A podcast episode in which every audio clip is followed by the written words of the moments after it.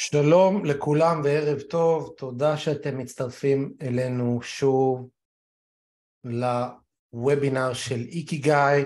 אני יואב הולצר, עורך דין במקור בעולם של ניירות ערך, מיזוגים ורכישות, חברות, תאגידים, בשבע שנים האחרונות אה, ואפילו קצת יותר, מתעסק בעיקר בפיננסים, גם פיננסים, אה, כמובן מערבים מיזוגים ורכישות והשקעות, אה, דרך עסקאות מיוחדות, אה, בשוק ההון, אה, למרות שבעיקר אנחנו מתעסקים ב asset allocation ובהשקעות שאנחנו מייצרים ומפנים אליהם כחלק ממימוש תיקים של לקוחות, איקיגאי, family office ובית השקעות. הנושא המרכזי שלנו היום, אני חושב שהוא מאוד מאוד חשוב לכל מי שיקשיב, וזה חשוב לגבי העידן החדש בתכנון ופיננסים שבשנים האחרונות אנחנו יותר ויותר נחשפים בקהל הכללי לחשיבות של תכנון פיננסי וגם עם הזמן אה, יש יותר ויותר אנשים שמדברים על family office וכ family office שגם עובד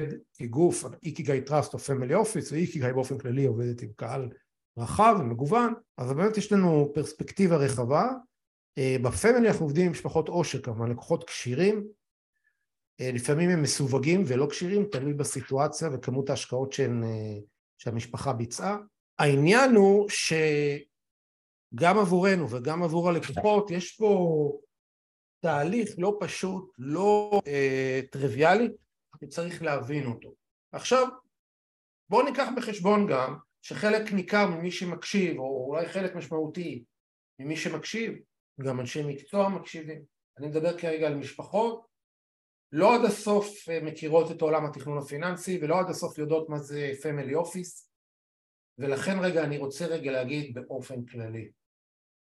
אני חושב שיש קודם כל לפני שאנחנו מתחילים לדבר ספציפית בנקודת המוצא ואחר כך ה family office יש חוסר טיפול כרוני משמעותי בפיננסים משפחתיים יש אנרגיה, ואפשר גם להבין את זה, שבני זוג הם אה, בני אה, שנות ה-20 מתחתנים ועד גיל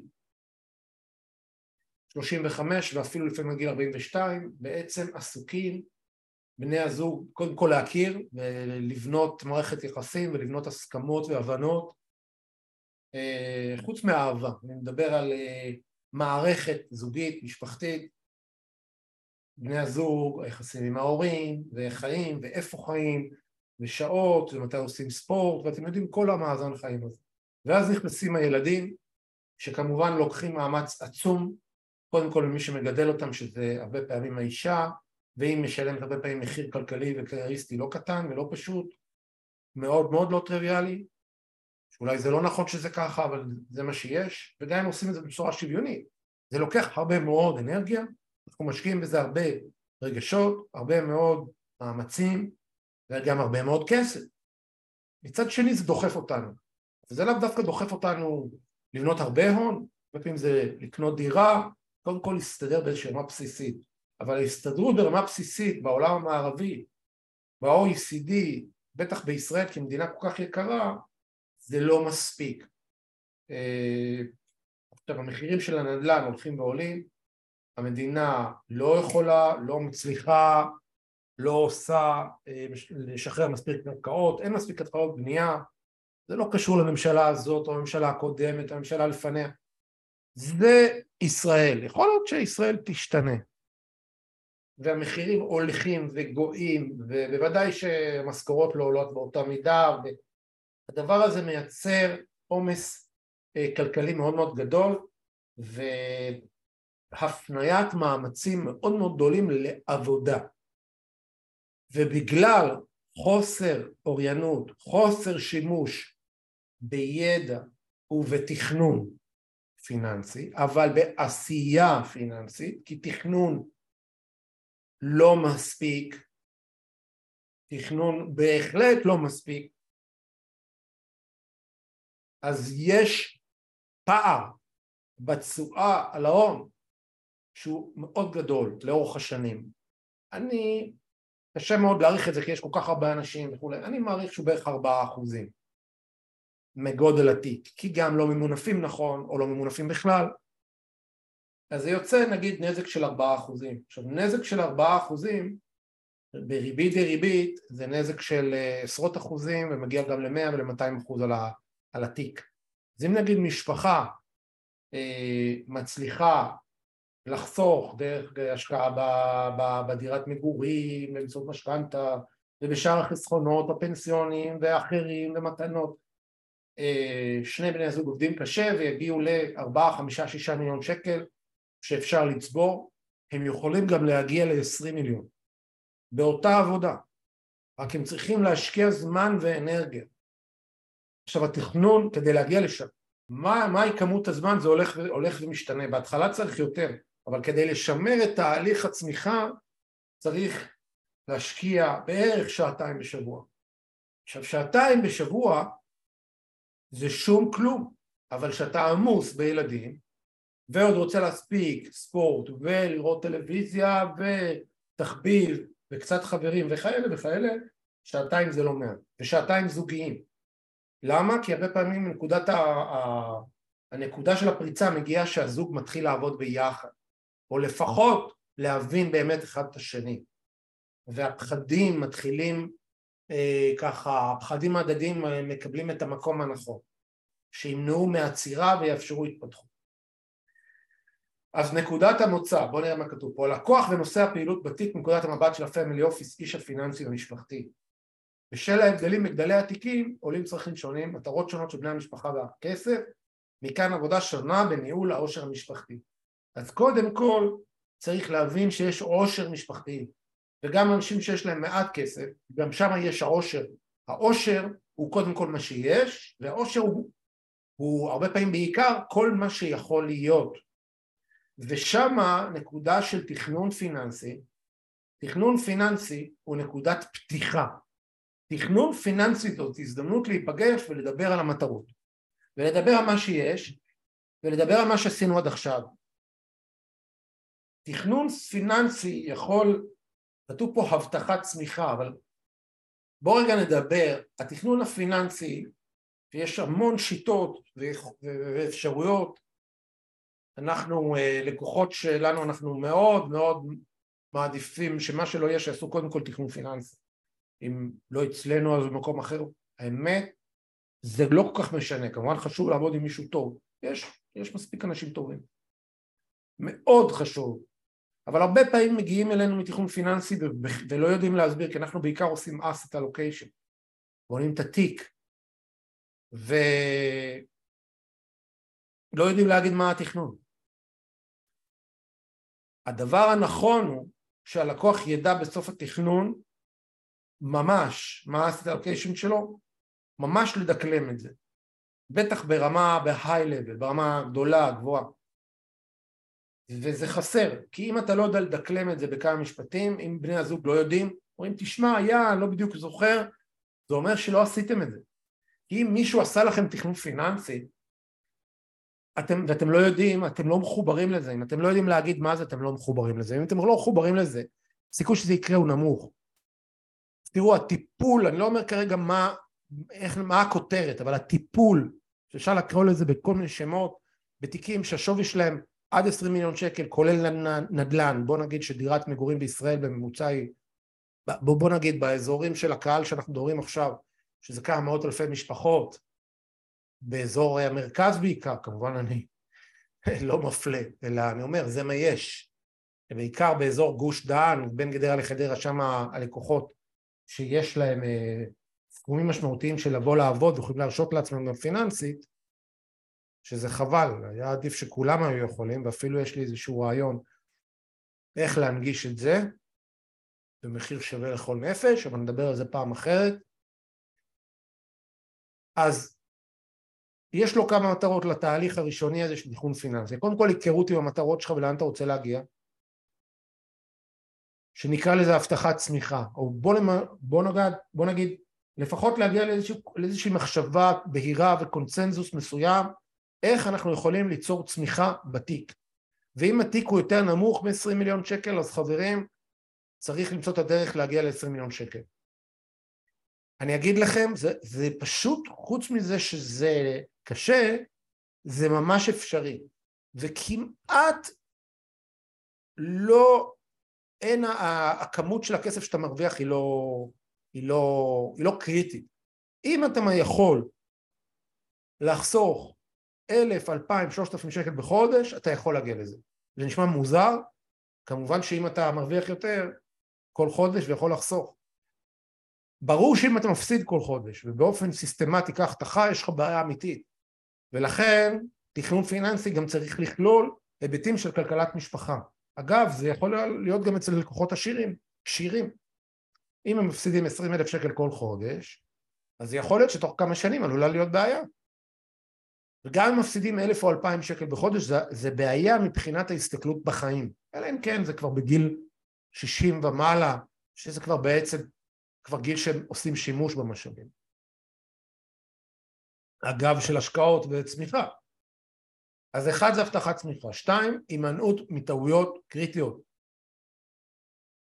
אה, מדבר על זה הרבה, מדברים על זה כל מיני אנשים, מדבר על זה הרבה דוקטור אילון וולף שהוא המתכנן הבית שלנו מה שנקרא, הוא כמובן יש לו את העסק שלו, מבחינתנו אנחנו מעדיפים אה, וסומכים אה, את שתי ידינו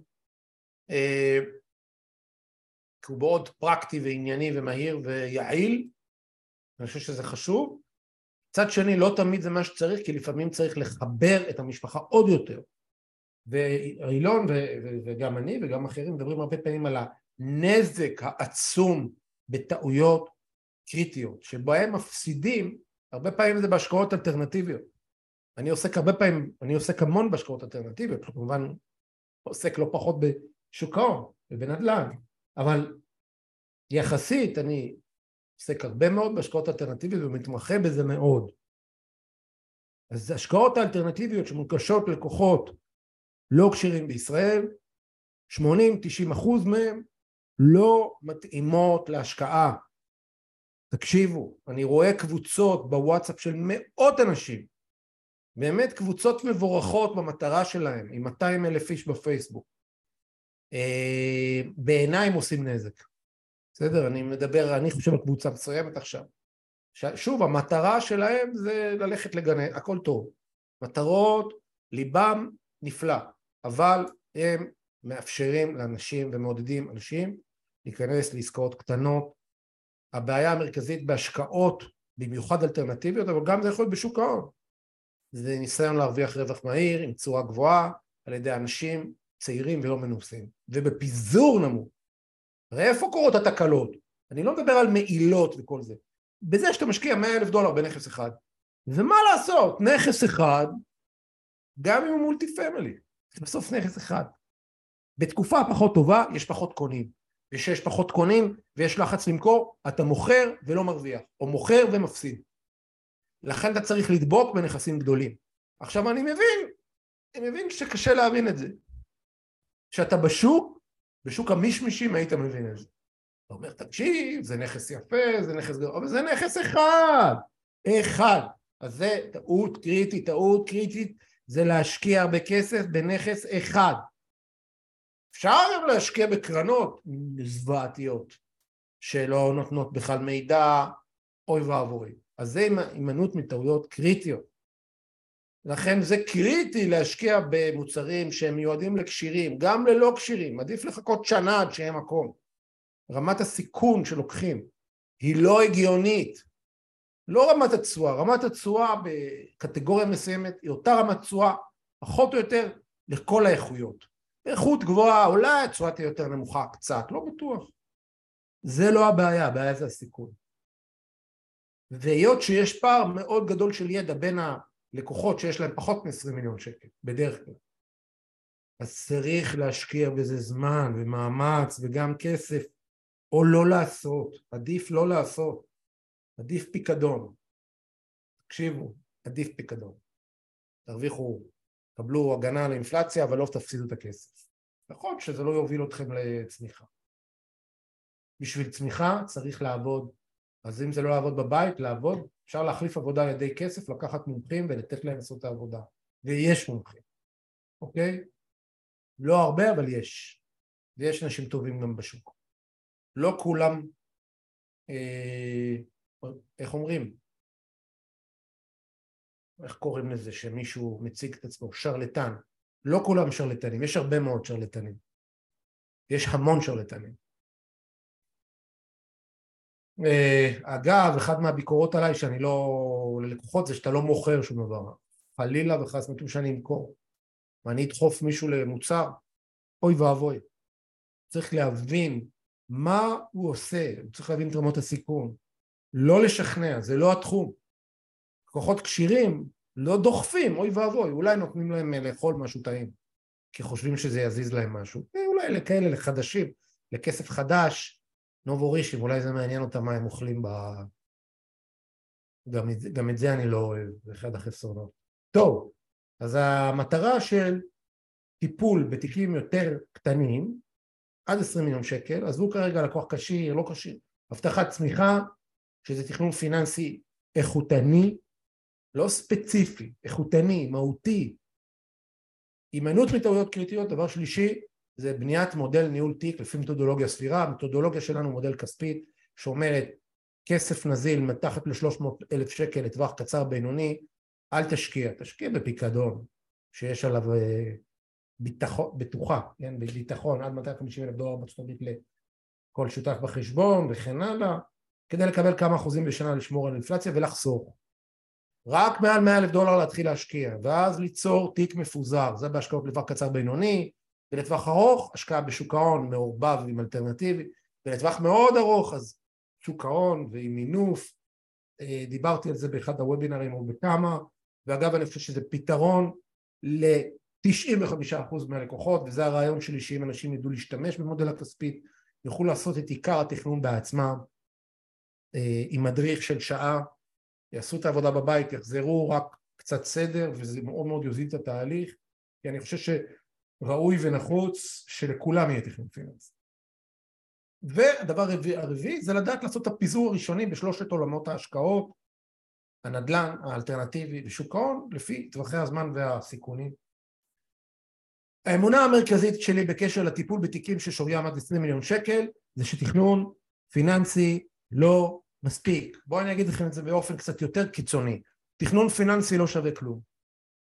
אני מאוד בעד תכנון פיננסי. בסדר? אני מאוד בעד זוגיות. אני חושב שזה טוב לאדם, לא טוב האדם אה, לבדו, אבל על זוגיות צריך לעבוד, זה תהליך, זוגיות זה תהליך, נכון? לראות את החסרונות, להשלים החסרונות, למצוא דרך לגשר על פערים של תקשורת, ללמוד להתנהג, ללמוד מה לא להגיד ומתי ואיך, נכון? זוגיות, משפחה, גם עם הילדים. אתה צריך ללמוד איך לתקשר, ככל שהם גדלים, הם נהיים בני, אדם, יש להם את סדרי העדיפויות שלהם. אותו דבר בכל דבר. אם אתם יודעים מה התכנון שלכם, זה טוב, ואתם זוכרים אותו, ויודעים לדקלם אותו לפחות ברמה של דקה-שתיים, יש לכם התחלה, יש לכם התחלה של שלושה חודשים, חצי שנה, לא יודע, שנה. אבל הדברים משתנים. מה שהיה לפני שנה, תקשיבו, תכנון פיננסי שנעשה לפני שנתיים, מאוד יכול להיות שהוא בכלל לא רלוונטי מבחינת asset allocation, כי השקל והדולר והעולם משתנה. עכשיו העולם משתנה כל הזמן. עכשיו הדבר המרכזי הוא לא לבנות תוכנית, אלא ללמוד לעבוד עם הנסיבות. ללמוד לעבוד עם הנסיבות, בדיוק דיברתי על זה בדירקטוריון שלנו האחרון, שהיה שם ויכוחים על כמה דברים, אבל אמרתי להם, תשמעו, היה את הוויכוחים והדיונים, אבל מה עשינו הפעם? בנינו תשתית ראויה לדיוני המשך. וזה הדבר המרכזי, אותו דבר ב, בכל דבר. גם דירקטוריון בבית. צריך לדעת איך לגבש נושאים לעשייה, למשל בהשקעות, איך ניגשים, איך בודקים, איזה סיכונים, אילו כלים, באיזה אה, אה, ממש איך לגשת, עם מי לעבוד, באיזה מדינה, באיזה מטבע, לכן תכנון זה נקודת פתיחה חשובה שמייצרת תקשורת, אבל אם אתם לא ממשיכים את זה, זה לא שווה כלום. אתם יודעים מה? אפילו יכול להיות שזה ייקח אתכם אחורה, כי זה גם מתסכל אם לא ממשיכים תכנון, ואז אה, יותר קשה להתחיל מחדש. עכשיו, כדי לעשות תהליך, אתם צריכים יועץ פיננסי שעובד איתכם. לזה בין היתר קוראים פמילי, בעיניי, כי הפמילי מכיר את המשפחה, מכיר את האנשים, מכיר את המחשבות. עכשיו כשאתה עובד עם משפחה שנה, שנתיים, שלוש, חמש, שבע, אני מצטער, בינתיים לא יצא לי לעבוד יותר משבע, זה הלקוח הכי ותיק, אתה, יש תהליכים, יש תהליכי חומש, יש תהליכי עשור, העברה בין דורית זה לא החלטות, זה מימוש, יחסי ממון זה לא החלטות, זה מימוש, וזה נע בין סוגיות שעולות ויורדות, יש סוגיות שעולות ואחר כך הן יורדות בגלל בעיות של אה, רגש, רגש שעלה, או איזה בעיה, או איזה אבל במשפחה, רחמנא ליצלנו, בעיות אחרות שדחקו, ואז צריך לחזור לזה. התהליכים האלה, צריך לשמר את התנועה של הכדור הגדול הזה, כל הזמן לדחוף אותו עוד ועוד, ואם אתה לא דחפת, לא יתקדם, כי יש גם מגמה תמיד לאחור. לכן אני מאוד בעד תכנון פיננסי, אבל אני חושב שזה לא שווה כלום אם זה לא תהליך. אם זה תחילתו של תהליך תכנון פיננסי, זהב. אם זה לא, זה לא שווה כלום. עכשיו נדבר קצת על פמילי אופיס ונגיד רגע למשפחות, לרבות משפחות אצלנו ב family office. לוקח זמן להבין מה זה family office, אני רוצה רגע להגיד קיצוניות מה זה family office. family office בקיצוניות זה מקום שמוריד ממך את כל הטרדות בחיים שלא קשורות בך שלא, אני מתכוון, יש דברים שרק אתה יכול לטפל בהם אתה לא יכול לטפל בבעיות בזוגיות על ידי מישהו חיצוני, גם אם תיקח יועץ זוגי, נכון? אתה יכול, אתה לא יכול לפתור את הבעיות של הפסיכולוגיות שלך, אתה יכול להיעזר בפסיכולוג, אתה לא יכול לטפל, אתה צריך לטפל בעצמך. אבל לשלם חשבונות, להשקיע השקעות, לחתום על הסכמים, לרכוש נכסים, לטפל בנכסים, כל זה אתה יכול להעביר למישהו אחר. זה עולה כסף. אממה, יש אנשים שיעשו יותר טוב ממך בדרך כלל את הדברים האלה.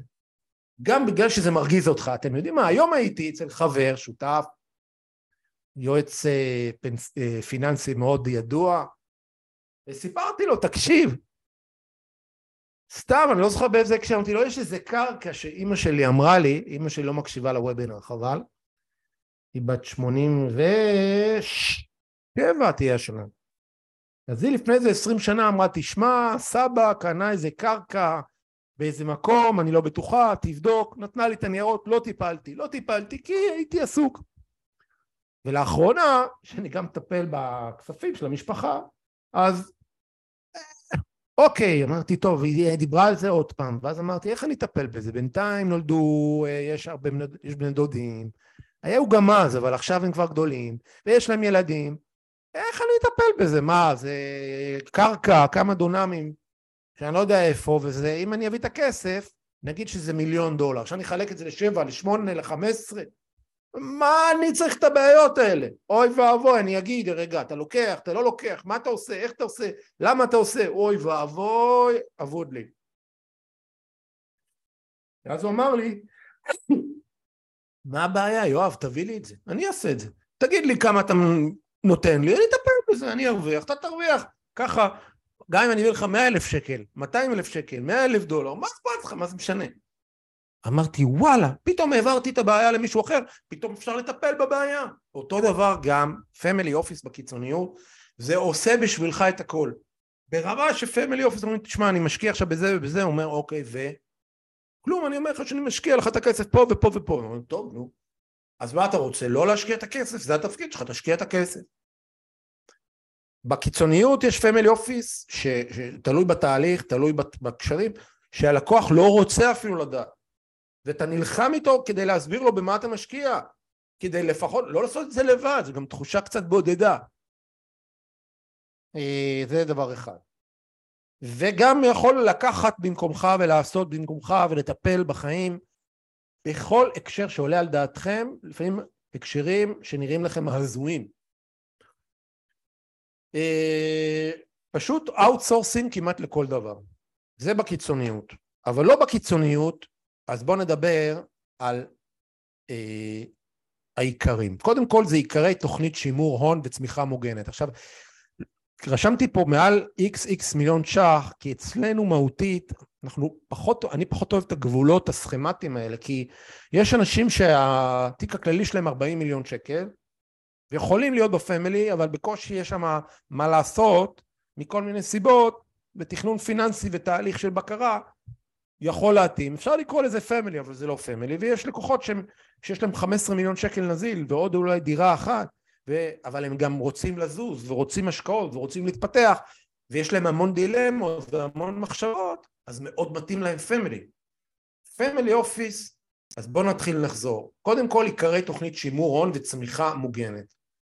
תראו, צמיחה באה במחיר גבוה. אתם זוכרים, אני לא יודע אם אתם זוכרים, אבל אני זוכר שאני גדלתי, צמחתי קצת לגובה, אני לא כזה גבוה, אבל כשהייתי צוציק, נורא כאבו לי הברכיים. כי צמיחה היא, היא נכון, יש פער בין שני, בין שני העצמות. ברגע שיש את הצמיחה, תקופת הצמיחה היא מסוכנת, גם בכסף, בכל דבר, כי אתה לוקח סיכון, אי אפשר אחרת לתמוך. אז מה שעושים בפמילי כמובן, גרוסו מודו, כמובן עושים הרבה דברים, גרוסו מודו מבחינת תוכנית שימור הון וצמיחה, בעצם יש פה תיק אחד שבנוי משני תיקים במהות, חלק מהתיק אומרים בוא נשמר, חלק מהתיק אומרים בוא נצמח, אלא אם כן התיק מאוד גדול ואומרים רק נשמר, זה כמובן תלוי באופי של האנשים, יש כאלה שיש להם 500 מיליון ורוצים לצמוח, אוהבים את הסיכום, אוהבים את הסיכון, אוהבים את הריגוש. אני אגב באופן טבעי, קודם כל רוצה לא להפסיד. זה הדבר המרכזי שלי בתיקים של פמילי. אז לבנות תוכנית שימור ולבנות תוכנית צמיחה, צמיחה מוגנת, זאת אומרת אפשר לאפשר את הצמיחה, ומצד שני לא להגזים עם המשמעות של הצמיחה. נקודה השנייה היא חשיפה לפיזור מאוד מאוד גדול, מה שאי אפשר לעשות בתיקים קטנים. שם המטרה שלנו היא להשקיע בכמה ש... בכרטיסים כמה שיותר קטנים, בנכסים כמה שיותר גדולים. כמה? בוא נגיד שב-30 נכסים, אני מדבר כרגע על אלטרנטיבי, אם אנחנו מגיעים לתיק אלטרנטיבי של 30 נכסים בחשיפה הכי קטנה שיכולה להיות, שזה נגיד 100 אלף דולר, שזה חשיפות קצת קטנה, חשיפות קצת קטנות, כי בדרך כלל באמצעות פידרים וכן הלאה, אפשר להיכנס ב-250, אז אנחנו מדברים על 7.5 מיליון דולר אלטרנטיבי, שזה מאוד כמובן סביר, משם והלאה. אז אנחנו מדברים על פיזור מאוד גדול, וסך הכל ה-AUM, ה-Asset Under Management, שכל הקרנות שאנחנו משקיעים מהן מעט, צריך להיות ענק. אם אנחנו משקיעים ב-30, אנחנו נשאף ל-15 מיליארד דולר במינימום, ולפעמים הרבה הרבה הרבה יותר. זאת אומרת, אם קרן בדרך כלל לא ניכנס אליה לפני החצי מיליארד דולר, ואם זה בשקלים אז 500 מיליון שקל, יש גם מקרים של פחות, תלוי בוותק, תלוי איפה היא נמצאת הקרן ומה היא עוסקת, אבל גרוסו מודו הייתי מצפה במינימום 15 מיליארד דולר ב-asset under management הכללי של כל התיק, גם אם אנחנו השקענו מתוך ה-15 מיליארד דולר האלה רק 250 אה, כפול 30, 7.5 מיליון דולר, זאת אומרת משהו כמו אה, חצי האלפית, אנחנו לקוח קטן בתוך התיק הענק. אה, ואנחנו ניחשף למח"מ יותר גבוה, על משך חיים ממוצע של, ה, של ההשקעה בממוצע בתיק יהיה משמעותית יותר גבוה, בתיק יותר קטן, מתחת ל-20 מיליון זה יהיה בסביבות הבין 3 ל-5, ובתיק יותר גדול זה יהיה בין 4 ל-6 או 4 ל-7, או ממוצע אפילו של 6-7, תלוי מה גודל התיק ומה הגיל. בפמילי אופיס אנחנו נותנים דגש הרבה יותר גדול על ניהול סיכונים מעמיק ביותר זוויות ועומקים שונים כי התיק יותר מורכב ויותר גדול ואפשר, יש בו הרבה יותר בשר לעשות עבודה שגם בהשקעה אתה מבצע גידור ופיזור מטבעים משמעותי. ואילו בתיקים יותר קטנים, בסופו של דבר, אם אנחנו נכנסים, אה, שם בדרך כלל יהיה לנו בעיה להיכנס בכרטיסים קטנים, אלא אם כן, כן מתעסקים בפידרים, אה, יש, יש ויש. אז בסופו של דבר יהיה לנו אה, פיזור מטבעי ככה די סכמטי, רבע, רבע, רבע, רבע בכל תיק, או לפי מטבעות, או חמישית, חמישית, חמישית, ובסופו של דבר יהיה לנו כמה מיליוני דולרים ספורים, או אפילו מיליון, שני מיליון דולר באלטרנטיבי. אמ, אנחנו כמובן בונים איזשהו, אה, אני אתן את זה כדוגמה, אה, רגע אחד, אני רוצה לשתף אתכם בקובץ אה, לדוגמה. אז אנחנו בונים את יסודות התיק, שמתחיל ממקום מסוים ואז הוא מתפזר במטח ו- ומתפזר ברמה הגיאוגרפית אה, ובונים אה, את, ה- את הפיזור מבחינת הנזילות, מבחינת המטבעות וכן הלאה. נחזור לשקף המרכזי שלנו. אה, רגע אחד. אז אנחנו, אה, יש הצדקה ויש אפשרות גם כלכלית לבצע ניתוח מעמיק הרבה יותר גדול של סיכונים ולכן מתוך זה של פיזור בהרבה יותר זוויות ועומקים אפשר להיחשף ולהשקיע בתכנון מס הרבה יותר משמעותי, למצוא דרך לנהל חלק מנכסים בחו"ל כדי אה, לשלם פחות מס או לשלם מס בצורה יותר נכונה לנו וכן הלאה וכן הלאה, כמובן בצורה אה, חוקית. זה מקום שיש יותר היגיון להיחשף לכל מיני עסקאות מיוחדות בשוק ההון. בשוק ההון אנחנו כמובן יכולים להיחשף בעסקאות בחברות מעניינות עם הנחה מאוד משמעותית לפני הנפקה, 25 אחוז, 30 אחוז מרגעי המסחר או מ-90 יום ראשונים וכן הלאה, נכון שיש בזה רמת סיכון לא נמוכה, מצד שני שם אפשר לשנות גורלות בהשקעה נכונה, ואם אתה עושה פיזור על ידי קרן של, או בעצמך אה, בפיזור בכמה עסקאות, אתה יכול אה, לעשות דברים מדהימים. ומפעילים הרבה יותר אנשי מקצוע. עכשיו בואו נדבר רגע איך בעצם הפמילי אופיס. עכשיו למה זה חשוב? כי תראו, מי מכם שיש לכם הרבה מאוד כסף, אז זה בוודאי מעניין אתכם, אבל גם מי שנמצא באמצע, אם הוא מחליט לעצמו, יש לנו הרבה דיונים על זה, אני רוצה גם להגיד לקולגות ולמתחרים, שמי שגובה 0.2 וחצי אחוז וכל מיני אלף שקל ואלפיים שקל בסוף, וקורא לעצמו family office, אז עם כל הכבוד, ויש הרבה כבוד, אני חושב שה family office אין, אין ברירה, הוא מאוד מאוד מוגבל. ואני חושב שמשפחה שיש לה מ-15 מיליון שקל ומעלה, שלא משקיעה את ה-50-60 אלף שקל בשנה בייעוץ פיננסי, תראו, הרי 4% הפרש בתשואה זה 600 אלף שקל. בסדר? נגיד שאתם עושים תשואה בתיק 5% במקום 9%. אתם פשוט משאירים 600 אלף שקל בשנה במקום אחר, לא אצלכם. תשלמו על זה 10% מזה, 60 אלף שקל, כדי שיהיה לכם פמילי אופיס. אצלנו, או בכל מקום אחר שהוא מתאים. זה המינימום שאפשר להתחיל לדבר על מה רוצים מהחיים.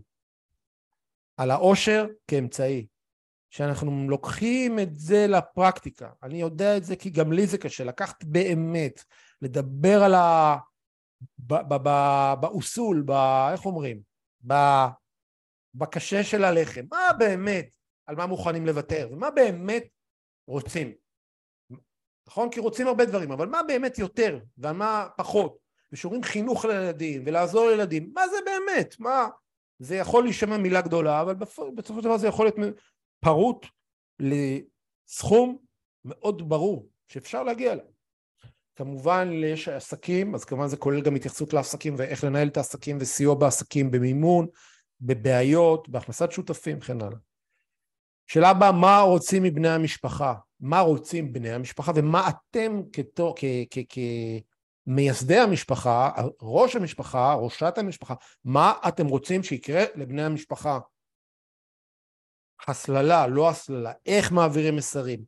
הדברים האלה הרבה פעמים קשורים בכסף ובתמיכה.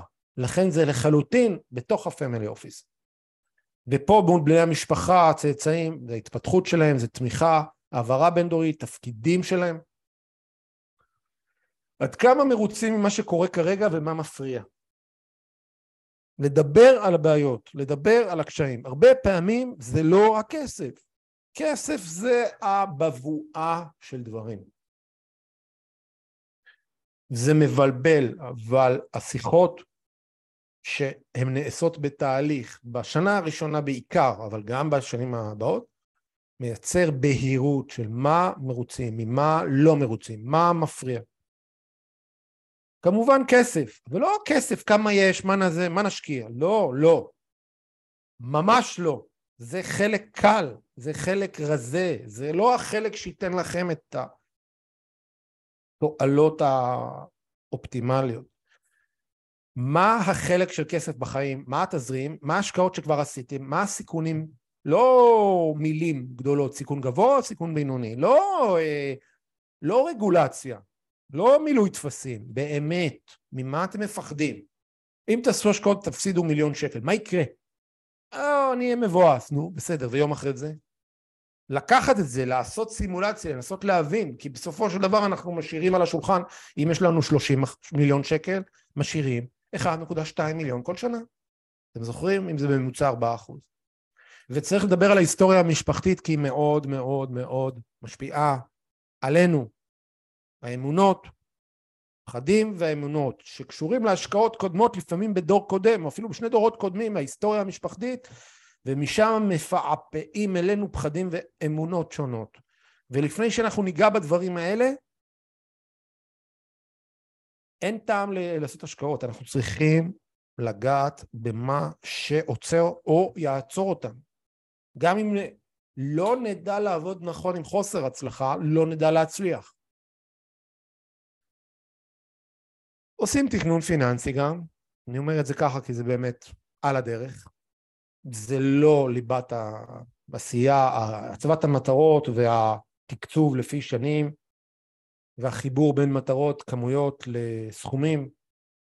בואו, זה חלק של חמישה אחוז מהעבודה ב family office, בעיקר בשנה הראשונה, ואחר כך לתחזק את זה, כי אם אנחנו עובדים ביחד, המטרות, שאת, שאתה כ family office מנהל תיקים, יש לנו כמובן מנהל תיקים, אתה בעצמך חי את המטרות של הלקוח. זה לא מה הלקוח, ואז אתה כותב את זה, תכנון פיננסי ועוד תכנון פיננסי ועוד תכנון פיננסי. לא, אתה בעצמך חי את החיים של המשפחה. זה לא לסמן וי ולקרוא לזה פמילי אופיס, זה מלווה של המשפחה, ידיד של המשפחה, אדם שקרוב אל האנשים.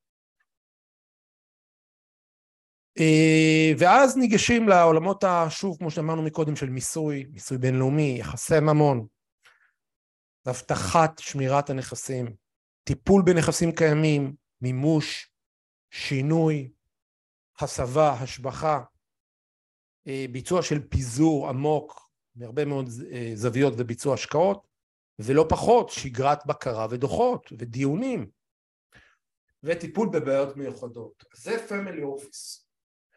אה, ושוב אני אומר, אני יודע שאתם לא רגילים, הקהל, לחשוב על זה, אבל תקשיבו, אם יש לכם 20 מיליון שקל, וגם פחות, אתם משאירים 4% מחוץ לבית, כי אתם לא משקיעים בליווי פיננסי. ותכנון פיננסי, חד פעמי, גם אם הוא יהיה מעולה, הוא לא ייתן לכם את זה. כי מהר מאוד חוזרים לשגרה. ופמילי שם למעלה את הקטע של הכסף. שם ב... אתם יודעים, בערימה יש אה, אה, קניות בסופר, ובגדים, וחינוך לילדים, ומריבות, ומחלוקות, ואימא ואבא וסבתא, ותחביבים, ודעות, ופוליטיקה, והפגנות, וכל אחד בזה שלו. הטיפול בצמיחה, בשימור ובצמיחה, הוא צריך טיפול, והטיפול הוא, הוא קודם כל הקצת משאבים מנטליים. ואם אין לך מישהו שגורם לזה לקרות כל הזמן, ואתה פשוט מתרגל לבוא ולשבת פעם בחודש, או כמה שזה קורה, מה שאתם בונים, הסיכוי שזה לקרות הוא נמוך יותר. ועוד יותר, אתם יודעים מה? הסיכוי שזה יקרה בצורה איכותית, כי מגיעים אלינו כל מיני אנשים עם תיקים של 30 ו-40 מיליון, והאמת ביותר לא ראיתי כאלה בעיות, אבל ראיתי תיקים של 30 ו-40, אוי ואבוי, איזה נכסים מזעזעים, איזה רמה, כי הם היו שחקני ריטל, לא חשבו שהם לקוחות כשירים, לא הלכו לפמילי אופיס, לימדו אותם להשקיע, להשקיע, להשקיע, אבל הם לא יודעים, עשו השקעות, אבל לא חשבו על המינוף, לא חשבו על העלויות מימון, ופתאום אין כסף לנעליים, כן? משהו משוגע. אתה אומר, יאללה. אז חבר'ה, תתרגלו לשלם עשרה אחוז מהצמיחה שאתם מאבדים, כי זה יכול ליצור אצלכם, במיוחד לטווח ארוך של עשרים שנה, עוד, אם זה חמש עשרה מיליון, שש מאות אלף שקל כפול עשרים שנה. 12 מיליון שקל נוספים. זה המשמעות של לעבוד עם family office. בן אדם שיש לו 15 מיליון שקל נכסים, יעבוד עם family office טוב, יהיה לו בסוף התהליך הזה 27 מיליון בשווי הנוכחי. אני מדבר, כמובן, יש אינפלציה וזה, עזבו אתכם. זאת אומרת, משמעותית שינה את המקום שלו. ומי שיש לו 30, 1.2 כפול 20 זה 24, זאת אומרת 50 ומשהו. ואגב, ככה המבנה הפיננסי של העולם. ככל שיש לך יותר, אתה נחשף להזדמנויות הרבה יותר טובות, בעמלות הרבה יותר נמוכות, על ידי אנשי מקצוע הרבה יותר טובים. קפיטליזם זה לא מוצדק, זה לא דבר שמשפר את הצדק, אבל זה כרגע, ככה זה עובד. נשמח מאוד שאתם אה, תמשיכו להיות איתנו בקשר, תמשיכו להקשיב להקלטות שלנו ולהגיע לוובינרים שלנו ולקרוא תוכן שלנו. תודה רבה שהייתם איתנו היום, נתראה בפעם הבאה. להתראות.